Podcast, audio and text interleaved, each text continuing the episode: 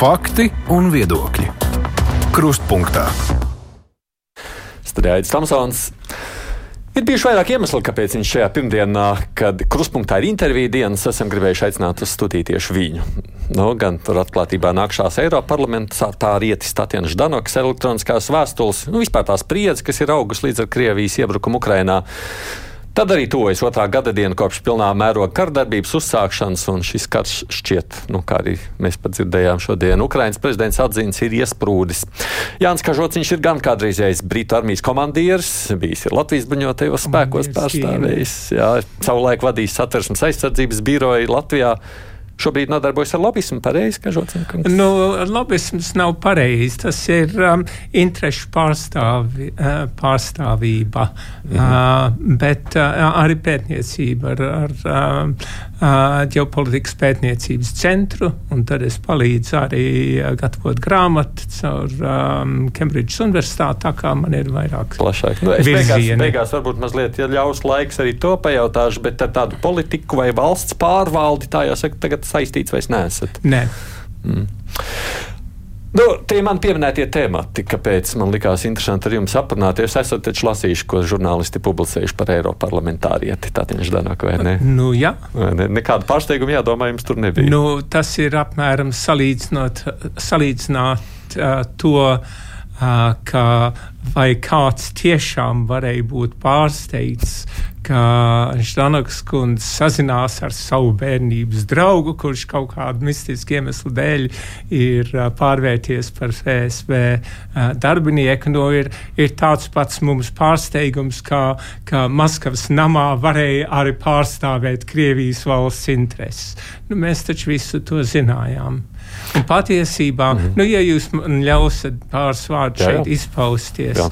nu, um, ņemam vērā vispārējo fonu. Un fons ir tāds, kā Paul Gobel ļoti labi pazīstams um, ASV valsts ierēdnis un, un ar komentators uh, katreiz ir sacījis uh, vienā seminārā, kas notika šeit Rīgā, uh, ka viņu prāt Krievija uzskata, ka Latvija ir vissvarīgākā no Baltijas valstīm. Kāpēc? Tāpēc, ka ja viņiem ir sviras, ar ko ietekmēt Latviju, tad Igaunija un Lietuvai paliek daudz sarežģītāk nekā, ja mēs visi esam kopā. Un tādēļ arī var redzēt, ka demogrāfija ir mainījusies. Tā, piemēram, 35. gada tautas skaitīšanā mums bija 77% latvieši. Un 89. gadā 52%. Un tas ir tādēļ, ka mūsu uh, dekapitēja, nocirta galvas, pilnīgi ar nodomu 41. un 49. gadā, un tad arī vecā trimda. Mūkot no uh, otras padomu okupācijas, arī paņēma līdzi kaut kādus simtus tūkstošus. Un rezultāts ir, ka nu, mums nebija vairs uh, vadošais personāls, gan, gan valstiski, gan arī laukos, kas sanāks tik ļoti lielu uh, lomu spēlēja un tad iepludināja tā vietā uh, Krievas, un tā bija pilnīgi apzināta rusifikācija. Un beidzās vēl ar to, ka mums bija, lai tiktu vaļā no uh, Krievijas bruņotiem spēkiem, jāpieņem nu, tā, uh, it kā 20 tūkstoši uh, atvaļinātu Krievijas, uh, tas ir padomu savienības virsnieku un viņu ģimenes. Un visi jau saprata, ka tas uh, varētu būt uh, domāts kā piektā kolona. Bet patiesībā tas nemaz tā nav uh, iznācis, uh, jo uh, Latvija ir bijusi okupēta pa gadsimteņiem vairāk kārtīgi, daudzkārtīgi. Zviedri, poļi, vācieši, krievi, nu visiem, kam nav slinkums, gandrīz jāsaka. Un tomēr kaut kādā mistiskā veidā mēs esam pratuši saglabāt savu uh, uh, nacionalitāti, savu valodu, savu kultūras uh, skatījumu un arī savu vēsturi. Tie tie trīs svarīgie elementi, kas ir, kas nepieciešami, lai varētu veidot tautu. Un, ja skatās uz um, SKDS, piemēram, pētījumiem, tad mēs redzam, ka pastāv reāli iespēja, ka ar paudžu maiņu arī mūsu krievi, kurus uh, uh, prezidents Zatlers savā laikā nosauc par labākajiem krieviem pasaulē, ar laikam pamatoti, uh, lēnām sāk palikt daudz vairāk līdzīgi mums nekā Krievijas krieviem, un viņus pat ne īpaši uzņem kā Krievijas krievs. Nu, labi, un tagad atgriežoties pie Tatjana Ždanakas, tad Ždanaka būtu bijusi tā Krievijas ietekmes pārstāve. Nu, man, mums ir jāskatās uh, uz divā, diviem apdraudējumiem. Viens ir uh, spiegi, kuri mēģina uh, uzzināt slepenu informāciju, kura ir nepieciešama, lai potenciāls ienaidnieks varētu nodarīt lielu kaitējumu mūsu valstī.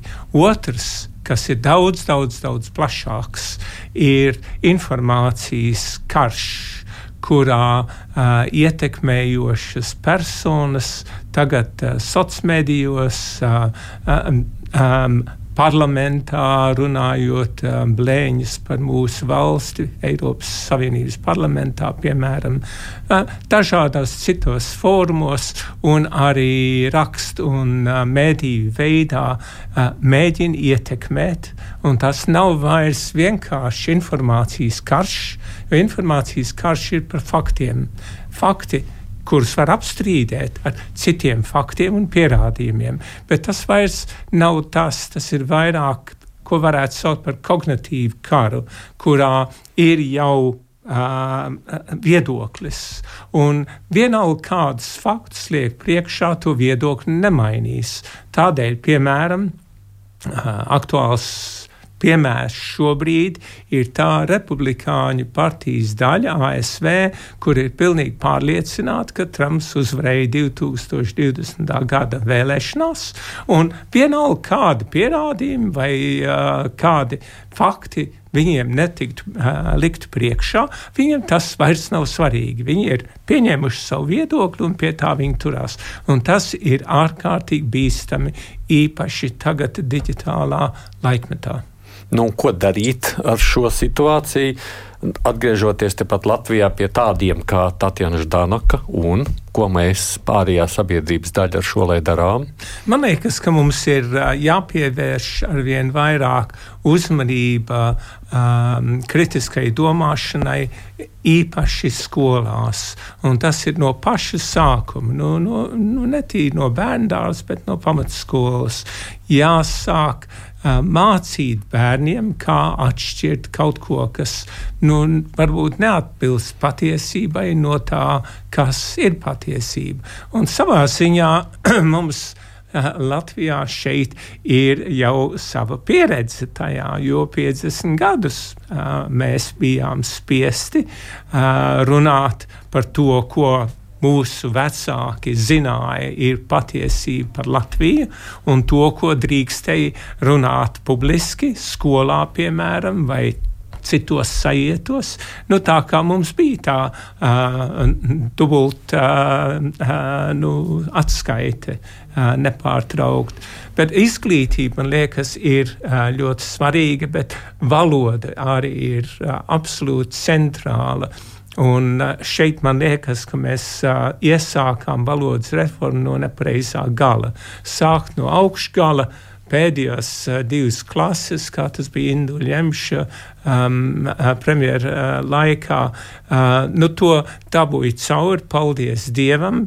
Um, uh, laikā, kad mēs jau bijām NATO un Eiropas Savienības dalību valsts. Jo, ja tas būtu noticis agrāk, tad ir ļoti iespējams, ka tur būtu bijusi uh, daudz lielāka uh, iejaukšanās no Krievijas puses, un mūsu um, sabiedrotie NATO tagad un uh, partneri Eiropas Savienībā, Savienībā varētu skatīties pavisam citādāk uh, uz Latviju. Tas tika izdarīts, bet ja mēs būtu otrādāk sākuši ar bērndārziem, sacījuši visi, bērndārzi, kurus finansē valsts vai pašvaldības, tie ir latviešu valodā. Un, ja jūs gribat savu krievu bērndārzu, jā, lūdzu, nu, maksājiet paši par to, bet sāk tādā tādā no tā gala, un tad aiziet uz pamatskolu. Viņiem visiem jau ir latviešu valoda, un nav vairs jācīnās par to tik daudz. Runājot atpakaļ, es joprojām pieminu Tatjana Ždanaku. Man liekas, es redzu arī sociālajos tīklos vienu daļu domā, nu, viņi gribētu redzēt, ka tur ir ne tikai nu, tāds nepatika vai fuja, bet nu, tur vajadzētu arī tiesāt un varbūt beig beigās likt aiz restēm. Mums tādus aktīvos, tagad modē teikt, influencerus, ietekmes aģentus nav iespējas apklusināt arī ar likuma vardzību.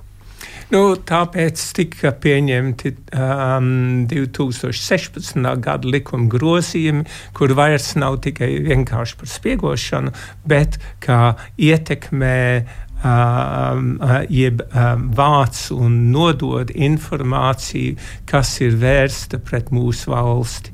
Un, uh, tāpēc arī valsts drošības dienests un prokuratūra tagad skatās uz to, ko Ždanokti ir tieši ir darījusi, kādas viņas atskaites ir. Uh, un, uh, uh, un uh, ko no tā var secināt. Bet es domāju, ka tur ir ļoti iespējams, ka tur būs ļoti grūti kaut ko pierādīt. Un ne jau viņa ir vienīgā. Nu, daudz nopietnāk varētu būt nevis mazā Latvijas-Krievijas uh, savienība, nu, kur kaut kā mistiskā veidā dabūja pietiekama balss, lai iekļūtu uh, Eiropas parlamentā, bet ar to tagad tas arī ir cauri. Bet ir jaunāki cilvēki, piemēram, jaunas uh, sievietes uh, Daugavpilī, kas nu, ļoti atklāti šādā veidā runā, tie ir influenceri. Un, uh, uh, ņemot vērā, ka sociālā tīkli tagad bieži vien ir slēgti, tur ir grūti sekot līdzi, un uh, tas var atstāt daudz lielāku un bīstamāku ietekmi. Bet mums nevajag tādā gadījumā stingrākus likumus, kas ļautu vieglāk šo, nu, nezinu, kā lai to nosaka, nu, nebaidīt, bet nu, likt pierauties. À, jūs domājat, tādas likumas, kādi ir Ķīnā vai Krievijas federācijā, piemēram? Nu, kāpēc Un, uzreiz otra galējība? Nē, tā jau pat nav galējība. Tas, kas Ķīnas Tautas Republikā notiek, nu, tā ir. Tas varbūt ir tuvāk tai galējībai, ka jaunieši tiek novēroti un, piemēram, par to, ja viņi krusto uh, ceļu tur, kur uh, nedrīkstētu, tajā brīdī, kur nedrīkstētu, tad ar sejas atpazīšanu viņus atpazīst un viņiem noņem punktus. Un, ja tie punkti ir pietiekami, viņi netiek uz augstāku izglītošanu, augstāku izglītību, netiek uz, uzņemti universitātē, tā ka tas ietekmē visu viņu turpmāko dzīvi. Nu, tā ir manipulācija ar, ar cilvēkiem. Krievijas federācijā Uh, varbūt jāsaka paldies Dievam, bet kas to var, var zināt, uh, viņiem tik veiksmīgi neiet.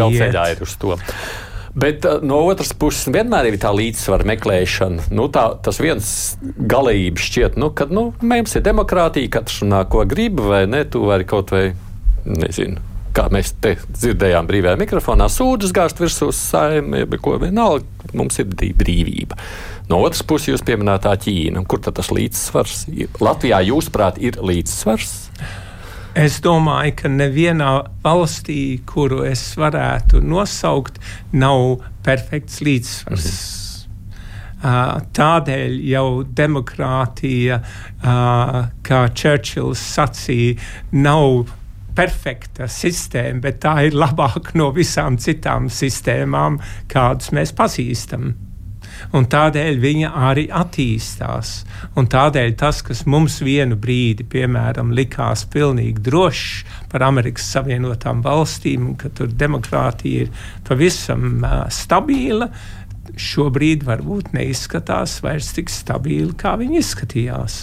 Un uh, ASV Republikāņu partija, kurai tiešām, tiešām um, uh, Eisenhower un Reigana partijai vajadzētu atbalstīt Ukrainu savā cīņā par savu neatkarību, tagad dara visu, lai traucētu šo cīņu, kas ir grūti saprotams. Bet es teicu par to līdzsvaru, nu, pieņemsim, Intas rakstīto te vairākas vēstules, man liekas, līdzīgi Noteikti. saka, nu, nu Kāpēc drošības dienesti visus šos gadus ir bijuši tik mīkstniecīgi pret Latvijai nelojāliem cilvēkiem, tādiem kā Ždanaku? Tas viss ir ļoti aizdomīgi.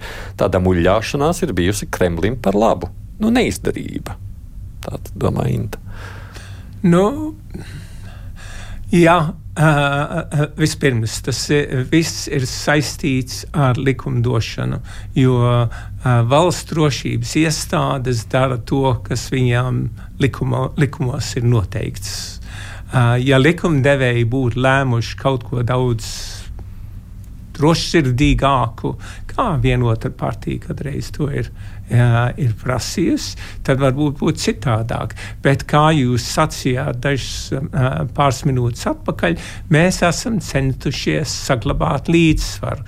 Un, ja tā līdzsvara rezultāts būs kā ar paudzes maiņu, mūsu krievi kļūst vairāk tā kā mēs, latvieši, un uh, viņi var turpināt būt lepni par to, ka viņu izcelsme ir krievu izcelsme, bet tā arī ir daudz citi latvieši, lojāli latvieši.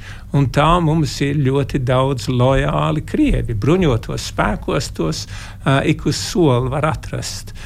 Tas ir rezultāts tādai uh, nu, uh, līdzsvarotai politikai. Tad novērtēt to varēs tikai pēc gadiem. Es domāju, ka paudžu maiņa jau notiek.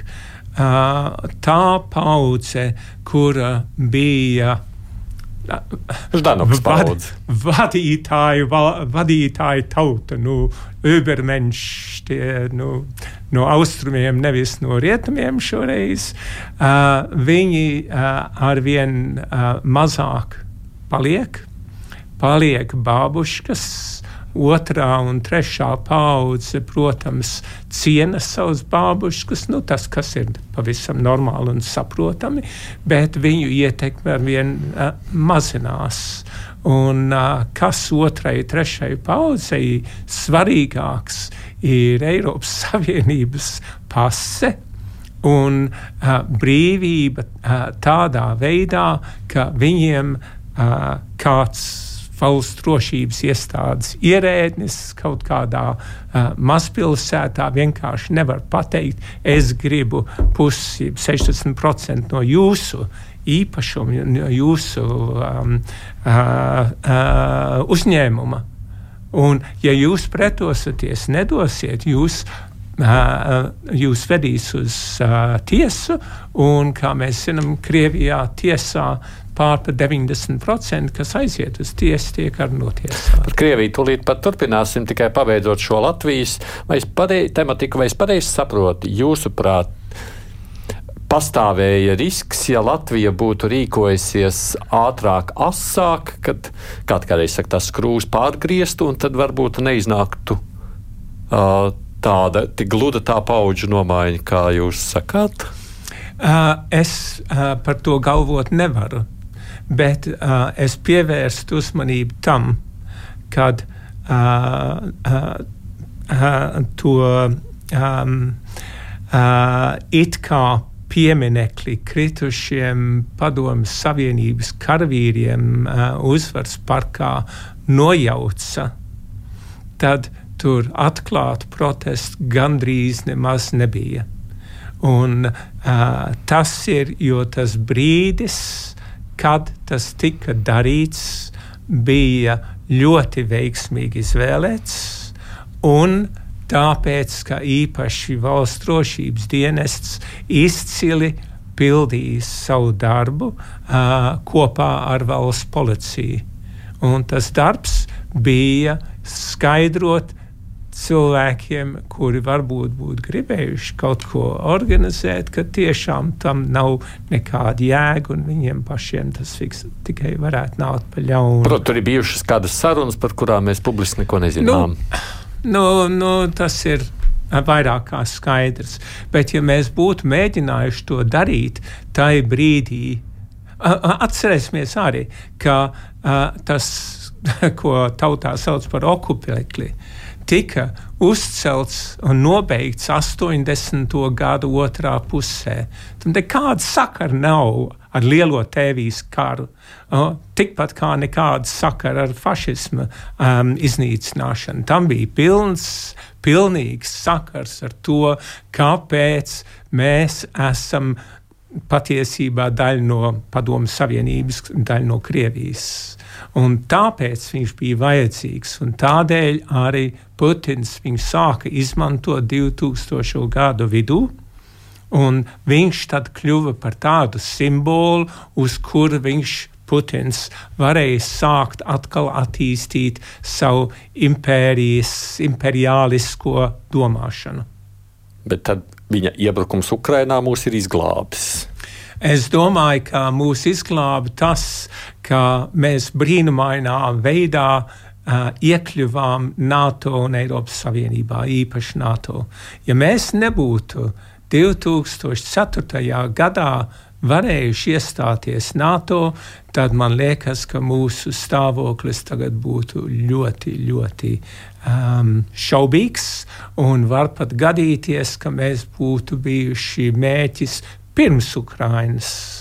Par to, cik mēs esam potenciāls mērķis tagad, tas ir pavisam cits jautājums.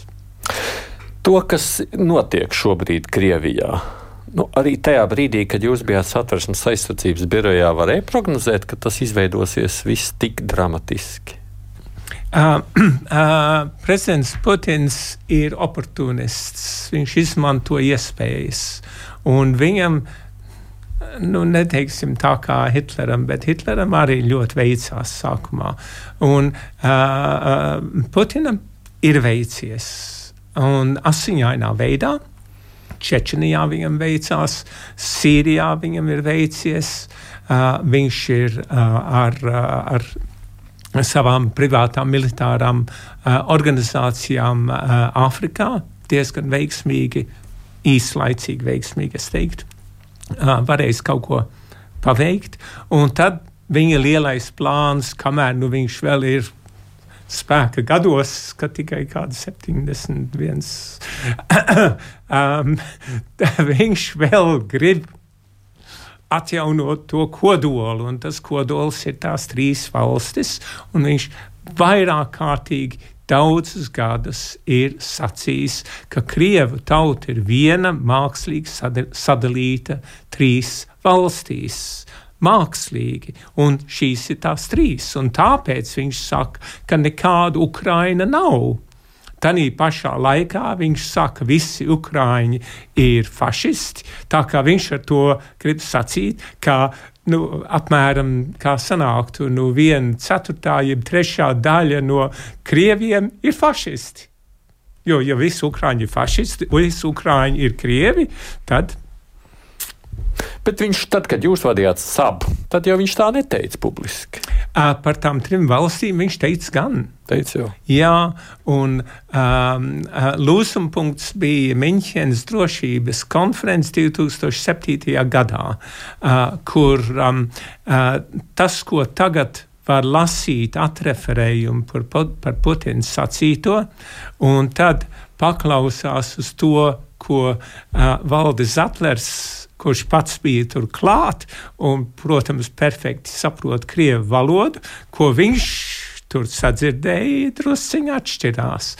Putins tur diezgan skaidri pateica, kurā virzienā viņš iet, un vēl skaidrāk viņš pateica, kurā virzienā viņš iet ar uh, miera līgumu piedāvājumu ASV un NATO uh, 2021. gada decembrī, kad uh, viņš piedāvāja, kā atgriežamies uz 1997. gada status quo. Tas ir tā kā pamatā visa Austrum Eiropa vairs nav NATO, nav tā, paliek tā, ka Krievija var atkal savu ietekmes zonu paplašināt. Tur. Nu, tas ir tas, ko viņš gribēja. Daži komentātori, protams, saka, ka jā, tas bija tikai um, pirmais solis, un no tā viņi atkāpsies.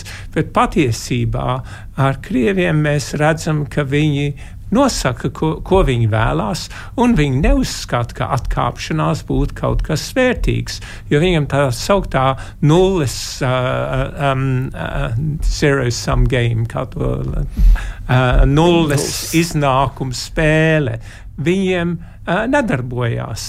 Tā kā, ja tavam iespējamam pretiniekam, tas ir rietumi, būtu kaut kāds labums, tad tas var tikai būt tādēļ, ka tas ir kaut kāds zaudējums Krievijas federācijai. Viņi nesaprot, ka normālā pasaulē var ar būt ieguvējis abas puses. Bet jūs, cik jūs, protams, šobrīd varat pateikt to atceroties, jums prognozējāt, ka var izvērsties karš? Nu, tāds nu, burtiski brutāls karš, kādu mēs tagad redzam Ukrajinā? Es domāju, ka tādā laikā nē. Un uh, arī ir ļoti interesanti tas, kādā veidā uh, angļu sakšu izlūkdienesti um, uh, no 2021. gada rudena, rudena uh, sāka prognozēt, ka būs iebrukums uh, Ukrainā. Un kas ir īpaši interesanti šeit, un, un Eiropas um, dienesti lielā mērā kaut ar, ar baltiešiem tur, nu, baltieši man liekas, nebija īsti droši. Uh, kas ir īpaši um, interesanti, ir, ka angļu sākšu dienesti pareizi prognozēja, ka būs iebrukums. Viņi pat gandrīz pareizi prognozēja nu, uz nedēļu, divām, kad būs iebrukums, un viņi pilnīgi kategoriski greizi prognozēja iznākumu. Jautājums ir, kāpēc? Nu, ja jūs gribat, es varu nu, uh, savu, versiju, versiju, nu, savu versiju. Mana versija ir, ka tā um, informācija, kuru uh, angļu sakšu dienests saņēma, nebija tikai no, no viena avota, tie bija no daudziem dažādiem avotiem, gan tehniskiem, gan, gan uh, cilvēku avotiem, bet tie avoti ne tikai spēja dot prognozi, ka būs iebrukums un kad viņš būs, bet arī kā tā puse uzskatīja, būs iznākums. Un runājot ar šeit, tie ir um, augstākā pavēlniecība Eiropā. Monsā ārpus Briseles ar tiem cilvēkiem, kas bija uh, strādājuši kopā ar Ukraiņas bruņotiem spēkiem, bija pavisam cits viedoklis. Jo viņi zināja, ka Ukraiņi cīnīsies un ka viņi ir arī spējuši kaut ko darīt. Un te Uh, jāsaka, ka ģenerālis Salušnīs, kurš tad uh, kādu gadu bija, bija virspavēlnieks, viņš darīja vairākas lietas tā, lai tāda pretestība būtu iespējama. Un, um, nu, tāpēc viņš ir cienījama persona, tāpēc arī uh, viņam ir daudz aizstāvi gan Ukrainā, gan ar ārpus Ukrainas. Nu, par to arī turpināsim. Es tikai atgādināšu klausītājiem, mums šeit ir. Nu, sacīšu tā, drošības jomas eksperts Jānis Kažots. Viņš nu. šodien saruna ir ar viņu par nu, aktuālo šobrīd. Raidījums Krustpunktā.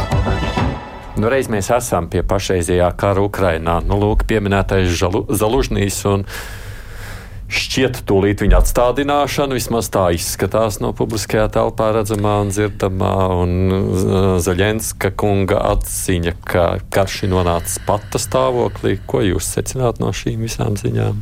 Uh, nu, vispirms ir uh, jāņem vērā, ka uh, politiķi un pat militāri komandieri uh, bieži vien skatās ļoti optimistiski uz uh, kara iznākumiem. Kā piemēru, uh, Kremļa valdnieks uzskatīja, ka karš būs cauri trīs dienās. Un tagad mums ir uh, divi gadi pagājuši, ne, nekas nav cauri. Uh, Ukraiņi un viņu sabiedrotie uzskatīja, ka pagājušā gada uh, uzbrukums, kurā izmantos jaunveidotās, jaunapmācītās brigādes ar modernu rietumu tehniku, ka viņas varēs arī veikt izrāvumu līdz Azovas jūrai apmēram tādā pašā garā kā izrāvums, kas atbrīvoja Harkīvu dažus mēnešus agrāk. Neviens ne otrs nebija pareizs. Atcerēsimies, ka 1914. gadā galvenās karotāju puses uzskatīja, ka karš būs cauri Ziemassvētkiem. Un katrs, protams, ka viņš būs uzvarētājs. Tā tas vienkārši iet. Un kad nonāk pie realitātes un saprot, ka nav tā, kā gribētu, bet ir tā, kā ir, tad ir jāizsver, kāds ir, kāda ir situācija. Un šeit uh, Zalužņī raksti Pirmais, tas garais, nav, nav tikai tas uh, ievadraksts, ekonomists, bet tur blakus bija ar deviņu lapspušu garš raksts, uh, kur jā, viņš atzīst, ka ir strupceļš nonākuši pie tā, kas um, bija Pirmā pasaules karā, ka grūti tik tālāk, bet tad viņš izskaidro, kas ir jādara, lai no tās situācijas uh, izkļūtu. Un tagad jaunākais raksts pirms trīs, četrām dienām ar CNN, tur viņš vēl specifiskāk paskaidro, kas viņa prāt būtu jādara. Un te iet runa par uh, kauju karu veidu izmaiņu. Un tur tiešām jāsaka, ka tas ir um, uh, apbrīnojami, ka cilvēks, kurš tagad divus gadus ir nodarbojies ar ikdienas kara spēja tik objektīvi redzēt, kas notiek. Jo kara māksla pa gadsimteņiem ir izgājusi vairākas fāzes. Ja jums gribā, gribās, es varu ātri pateikt.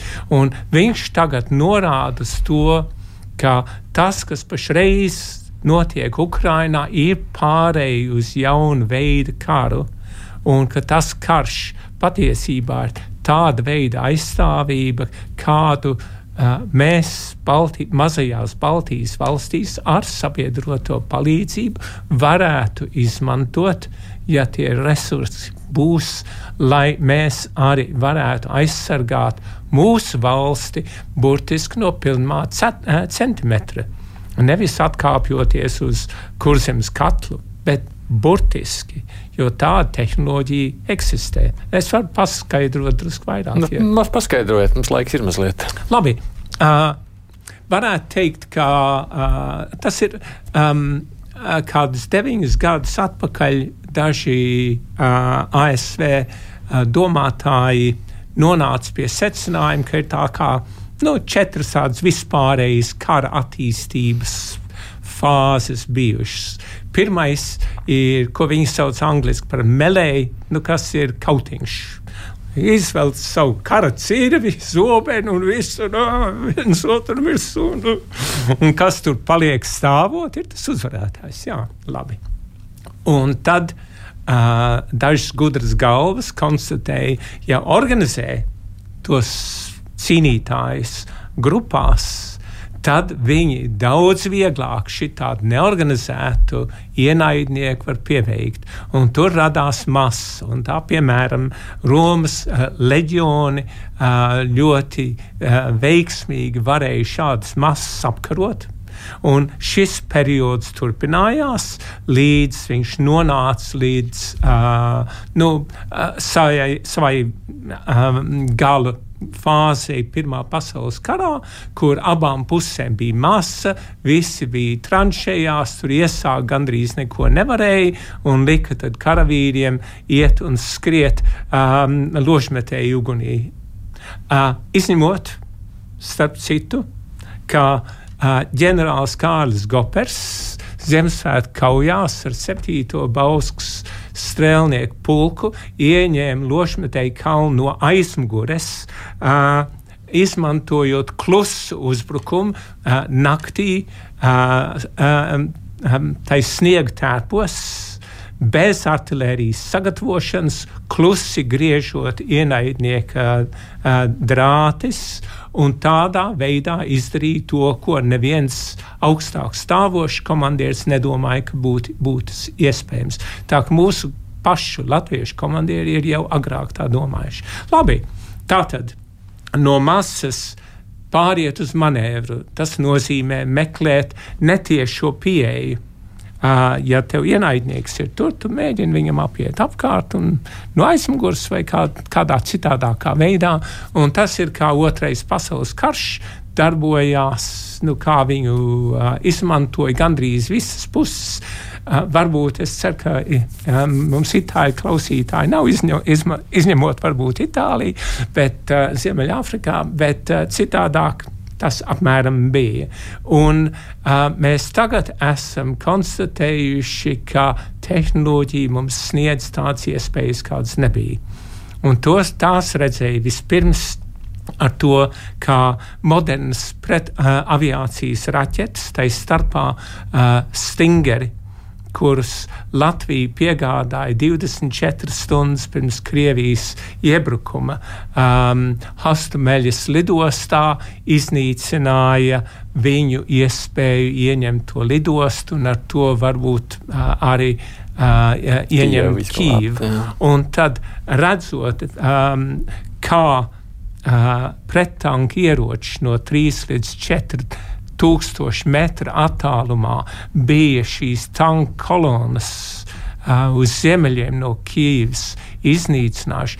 Tas ir kaut kas fantastisks. Es, es tiešām nebūtu iedomājies ar visu savu 30 gadu pieredzi bruņoties spēkos, ka kaut, kaut kas tāds būtu iespējams.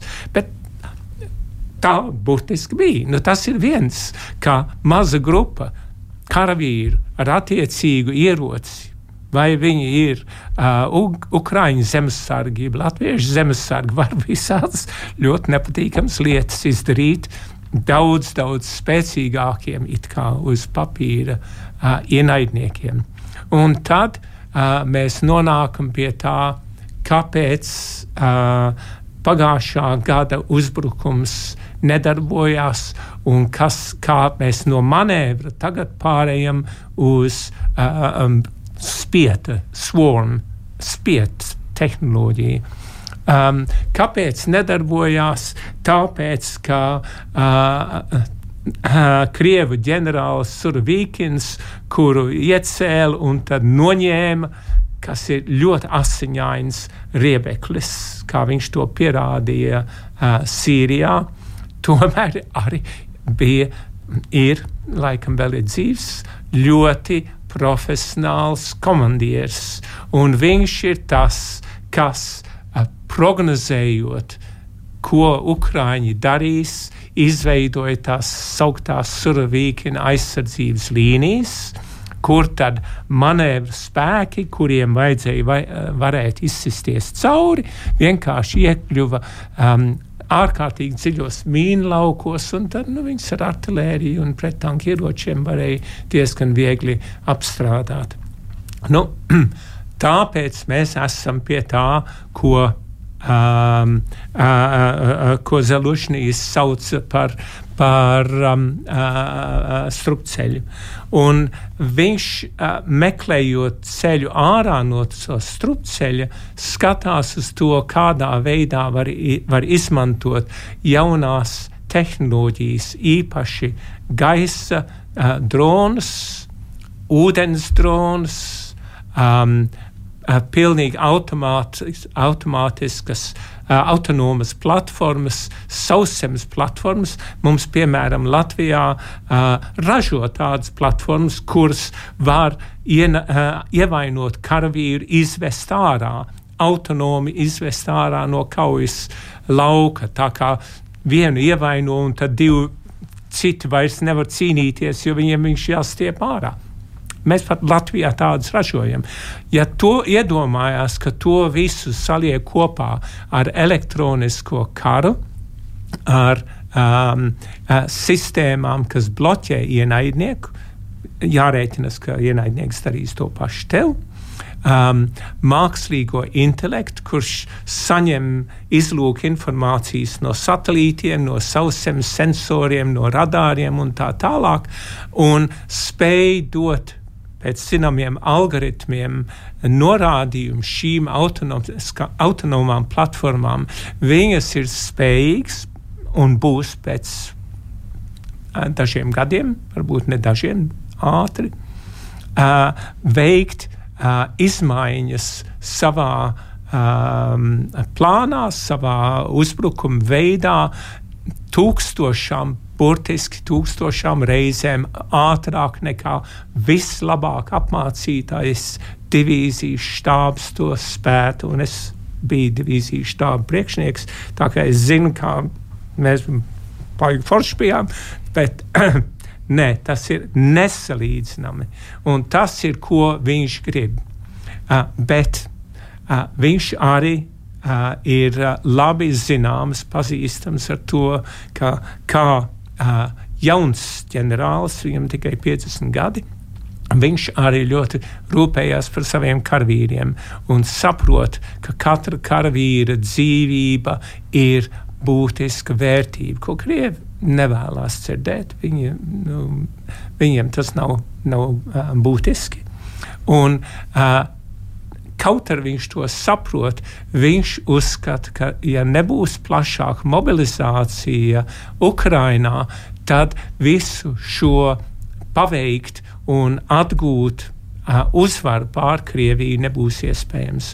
Un te, man liekas, ir viens no cēloņiem, kādēļ viņam ir konflikts ar Zelenski, un arī otrs iemesls ir, ka viņš reizēm ir parādījies kā populārāks nekā pats prezidents.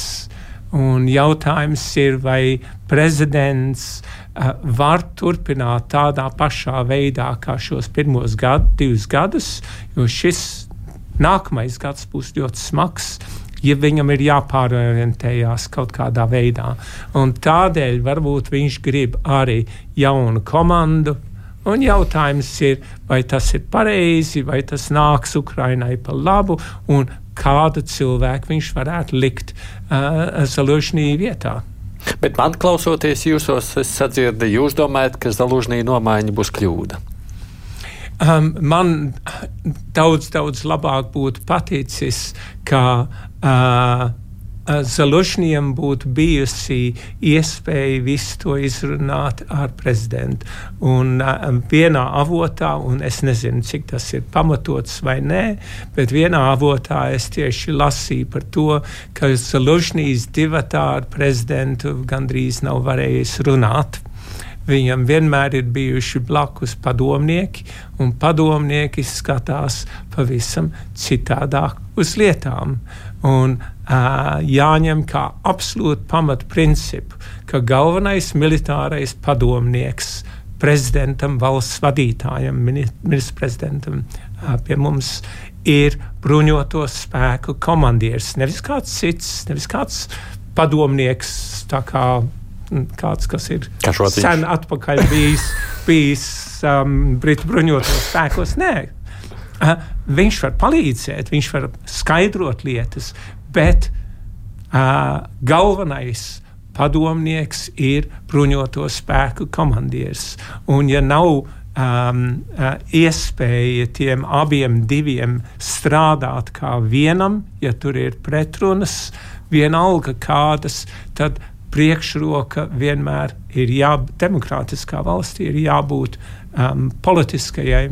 Uh, vadi, politiskam vadītājam un uh, bruņoto spēku komandieram, diemžēl, tad ir. Jā, bet vai nav tā, ka vēsture rāda, ka tajā brīdī, kad politiķi sāk uzņemties vadīt karu, ka tad, uh, nu, tad, tad, tad karš riskē kļūt zaudēts? Uh, tas ir ļoti interesanti, jo um, ja uh, skatās uz um, uh, uh, nāciķu Vācijas pieredzi, protams, ka tas tā ir. Viņš negribēja klausīties uz saviem ģenerāļiem, bet um, Čerčils arī darīja daudzas lietas, kuras apšaubīja. Īpaši Pirmā pasaules kara laikā Galipolī, Otrā pasaules kara sākumā Norvēģijas ekspedīcija, kas pilnīgi izgāzās. Uh, bet uh, viņam arī bija ļoti cieša uh, sadarbība ar savu galveno militāro padomnieku, um, uh, Feldmaršalu Allen Brook, kurš, starp citu, arī bija artilērists. Mm. Un arī savā laikā komandēja to pašu bateriju, kur es komandēju sen, sen, sen atpakaļ. Tikai viņš vēl daudz senāk atpakaļ. Bet uh, viņš ar um, ar Churchillu strādāja kā komanda. Un šeit tāpēc uh, kļūda vai nekļūda, nu, uh, viņiem ir jābūt kopā. Ja viņi nevar būt kopā, tad ir slikti. Un te mēs varbūt redzam to pašu uh, scenāriju, kas um, bija, uh, Umerov uh, tagadējo aizsardzības ministru uh, ielika, ka jau mēnešiem bija runa par to, ka iepriekšējo aizsardzības ministrija Ukrainā noņems, uh, tas it kā nebija, un tad atlika un atlika, un beigās tomēr izmainīja. Nu, kaut kas līdzīgs tagad varētu būt. Bet jautājums ir, kas nāks viņa vietā? Un tie divi kandidāti, kas līdz šim ir uh, izskanējuši, Sirskis, um, kas ir uh, sauszemes spēku komandieris, uh, ārkārtīgi spējīgs, bet viņš tomēr ir vecāka gada gājuma nekā uh, Založņīs. Tas nenozīmē, ka viņš uh, um, nesaprot uh, karavīru vērtību. Es, es to nekādā gadījumā negribētu viņam pārmest, bet um, viņa pamatizglītība arī ir um, Padomu Savienības laikā. Uh, Zalužņīs tikai kļuva par virsnieku 91. gadā. Tā kā tur ir mazliet starpība. Uh, Sirskis ir tas, kurš um, uh, veids visgalvenās svarīgākās operācijas Donbassā kopš 14. gada, un viņš ir tas, kas komandēja Kīvas uh, aizsardzību. Tā kā viņš ir ļoti nopietni ņemams cilvēks.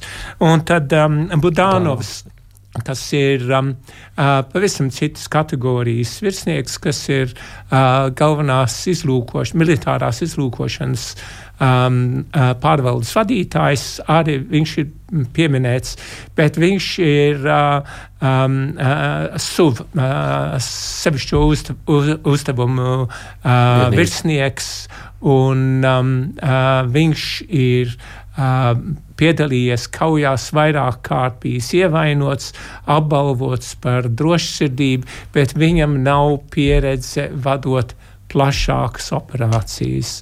Un šeit arī ir vērts pieminēt, ka vēl viens iemesls, kādēļ pagājušā gada Ukrainas pretuzbrukums nedarbojās, ir, ka viņiem vienkārši nebija iespēja uh, mācīties, koordinēt vairāk nekā bataljoni, jeb labākā gadījumā brigādes līmenī.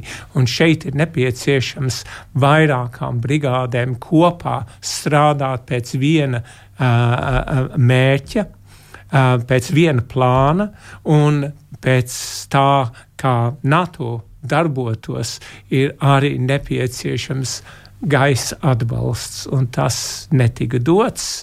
Tagad varbūt pēc gada F-16 būs, varēs to izmantot, jānoturās.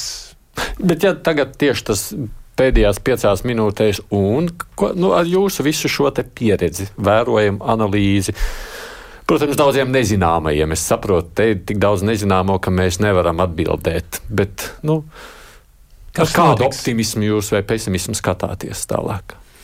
Es esmu atklāti sakot, diezgan optimistisks. Um, te, mēs noiesim druskuļi citā virzienā. Man liekas, ka mums uh, ir jāskatās uz to, kas notiek Krievijā. Mm. Jo Krievijā nav labi. Un uh, Krieva tauta viņai ir ļoti smagi.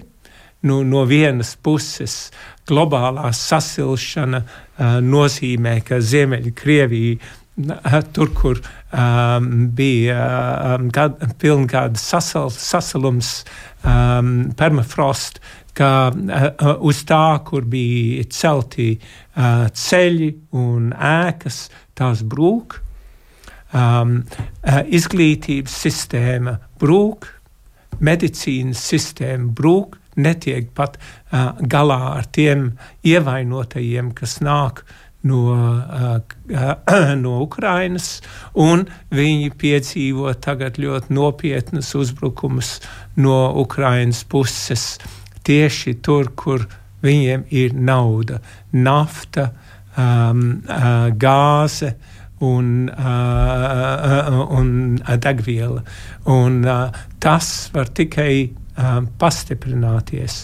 Ko tas īstenībā nozīmē? Nu, mēs visi zinām, saprotam, es domāju, ka uh, revolūcija Krievijā plaša revolūcija nav sagaidām. Un arī reāli nekas Krievijā nav mainījies. Uh, ārpus, nu, ta, tas izmaiņas nenotiek ģerēvņā, nu, da, laukos. Viņas notiek Pēterburgā un Maskavā. Nu, jautājums ir, kas varētu tur mainīt? Un, um, manuprāt, rādītājs uz to bija Prigožina um, smieklīgais mēģinājums uzbrukt Maskavai ar saviem 5000 kaujiniekiem. Nu, nu, tas nebija nopietni. Bet kas ļoti interesanti, ir, ka Bortņikovs ar saviem FSP nepacēla ne pirkstu, lai kaut ko tur darītu pretīm. Un Zolotovs ar visu savu Roskvardiju nevis nedarīja, tikai nedarīja neko. Viņš ar visu ģimeni it kā pārvāca aizbēgu uz Pēterburgu no Maskavas. Ja, tas, ja tie nav rādītāji uz zinām nestabilitāti, tad es teiktu, ka tie uh, cilvēki, kuri ir pie varas pašreiz Krievijā, kuriem ir līdzekļi, kuriem ir nauda, arī vēl Krievijā, saprot, ka Putins ir pieļāvis kolosālu, šausmīgu, šausmīgu kļūdu. Un ja viņi kaut ko relatīvi drīz nedarīs, tad viņi vienkārši zaudēs savu varu un savu bagātību, un viņi ir ļoti interesēti, lai to saglabātu. Un tādēļ es domāju, ka aizkulēs, aizkulisēs tur tagad notiek visādas interesantas sarunas starp dažādiem grupējumiem, uh, uh, drošības dienesti, um, uh, uh, armija, um, uh, gan uh, arbat, gan uh, īstie kaujinieki, tad gubernatori, kuriem uh, gandrīz visiem tagad ir savas privātās armijas, Gazprom ir sava armija. Nu, Vārdu sakot, viņi tagad meklē veidu, kā, kā no tikt no ārā. šīs bedres ārā. Nu, šī tā reize, kad man laika pietrūka, uzreiz saku, uh, es vēl būtu varējis pastāstīt, jā, ko tas mums varētu nozīmēt. Man bet... mazliet žēl, droši vien būs kaut kāda saruna jāturpina. To Labprāt. es saku Jānim Kažociņām. Uh, drošības jomas ekspertam īsāk arī neko nevarēšu pateikt. Rīt kolēģiem Mārai Jansonai saruna būs, kas notiks tālāk ar Latvijas pastu. Mēs dzirdējām par to plānu apturēšanu, un nodaļa daļa jau ir aizvērts, kas tur tālāk notiek. Tātad diskusija rīta par šo. Bet kurspunktā producenti jau uzreiz studijā bija arī es, Aidis Tomsons.